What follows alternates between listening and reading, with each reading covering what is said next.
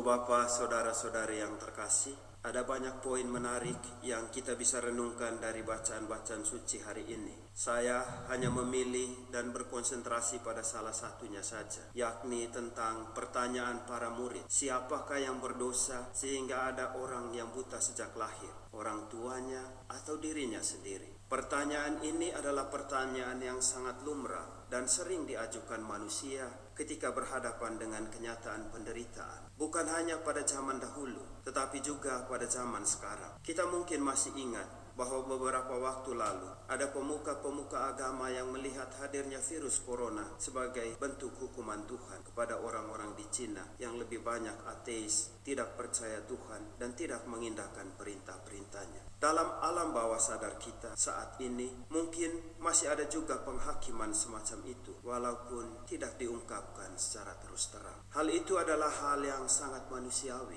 yang tidak perlu diratapi sebagai kelemahan dan kekurangan yang memalukan. Yang lebih penting adalah kerelaan untuk tidak mati-matian mempertahankan dan menghidupi pola pikir semacam itu tetapi lebih baik siap sedia untuk membuka diri terhadap kemungkinan adanya perspektif lain tentang penderitaan.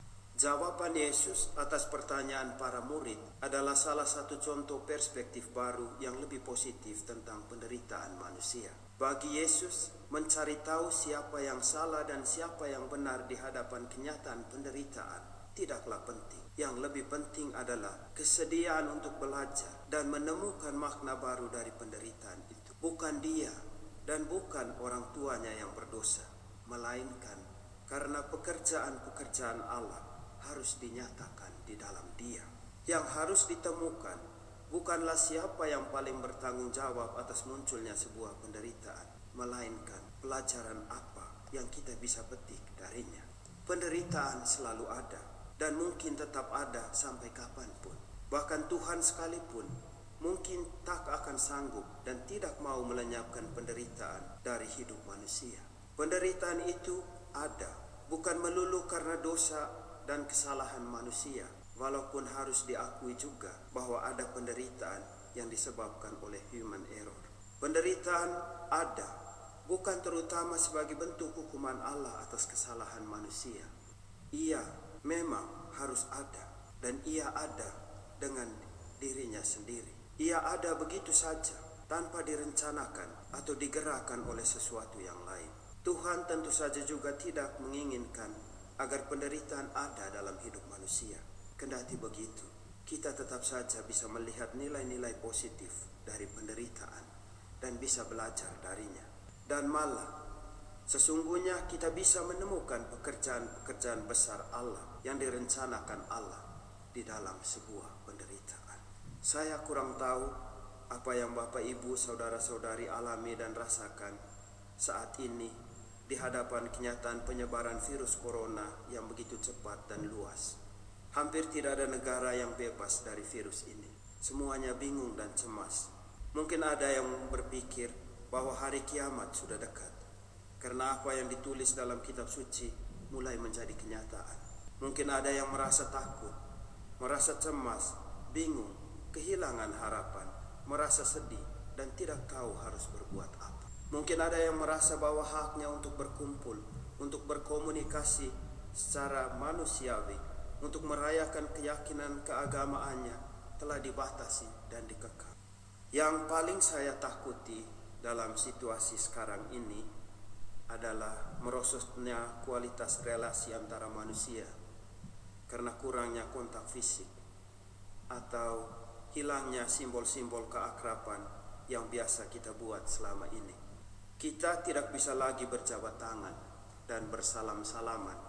Tidak bisa lagi cipika-cipiki saat bertemu. Tidak bisa lagi makan bersama untuk merayakan ulang tahun salah seorang dari antara kita. Atau tidak bisa lagi tukar kado tapi di pihak lain, ada hal yang membuat saya berbesar hati dan berbangga. Di tengah penyebaran wabah virus corona yang begitu luas, saya merasa bahwa dunia semakin bersatu dan tidak lagi saling menyalahkan, tidak lagi saling menonjolkan kemampuan dan bersaing tentang siapa yang paling layak menjadi penguasa dunia. Semua bekerja sama mencari jalan terbaik untuk menyelamatkan hidup manusia dan di dunia. Di kalangan orang-orang Kristen, Persatuan itu tampak sangat jelas di grup ini saja. Orang yang tinggal di Indonesia bersatu dalam doa dengan orang-orang yang ada di Austria. Dan ini menurut saya keren. Bagi saya ini adalah tanda bahwa ketika simbol-simbol keakraban yang biasa tidak lagi berfungsi, ternyata manusia menjadi sangat kreatif untuk menemukan dan menghidupkan simbol dan pola komunikasi yang baru. Saya merasa sangat terkesan ketika mengetahui bahwa ada oma-oma, opa-opa yang dalam satu dua menit saja bisa mempelajari cara penggunaan aplikasi Zoom. Selama ini diminta untuk belajar ketik SMS saja, mungkin agak sulit. Tapi sekarang bisa menggunakan aplikasi Zoom. Selain itu juga kerelaan orang-orang untuk membantu sesama juga semakin kelihatan tampak. Ada anak-anak muda yang secara sukarela membentuk kelompok untuk membantu para lansia pergi belanja agar mereka tidak keluar rumah. Ada orang yang mengaktifkan teleponnya 24 jam hanya untuk mendengar permintaan bantuan dari orang lain. Jika Anda membutuhkan saya, silakan hubungi saya. Dunia ternyata lebih banyak diisi oleh orang-orang baik, bukan oleh para kriminal seperti yang selama ini kita baca dari media massa. Apresiasi dan penghargaan terhadap pekerjaan dan karya sesama juga menjadi semakin kelihatan dan tampak. Pada setiap jam 6 sore misalnya orang-orang Italia membuka jendela rumah dan apartemennya lalu bersama-sama bertepuk tangan hanya untuk menyatakan penghargaan kepada para tenaga medis dan mereka yang bertugas untuk melayani pasien penderita corona. Itu hal yang sangat kecil dan mungkin tidak berharga bagi mereka yang tidak mengetahui latar belakang munculnya aksi itu. Tepuk tangan setiap jam 6 sore ternyata hanya digerakkan oleh pesan berantai bahwa para petugas medis dan para pekerja itu tidak pernah dan tidak bisa lagi berkumpul dengan keluarganya selama wabah corona belum teratasi. Mereka ternyata tidak hanya mempertaruhkan hidup dan nyawanya sendiri, tetapi juga mengorbankan kebahagiaan keluarganya. Dan itulah sebabnya mengapa kita perlu juga tinggal di rumah, karena ada orang-orang di luar yang tetap tinggal di rumah sakit, tetap tinggal dalam pekerjaannya hanya untuk menyelamatkan kita. Hal-hal ini jarang tampak sebelum wabah virus corona datang. Sekarang menjadi sangat nyata di mata kita. Mungkin inilah yang dimaksudkan Yesus sebagai pekerjaan-pekerjaan Allah yang dinyatakan di dalam wabah corona. Tidak penting lagi mencari siapa yang benar dan siapa yang salah dalam penderitaan ini.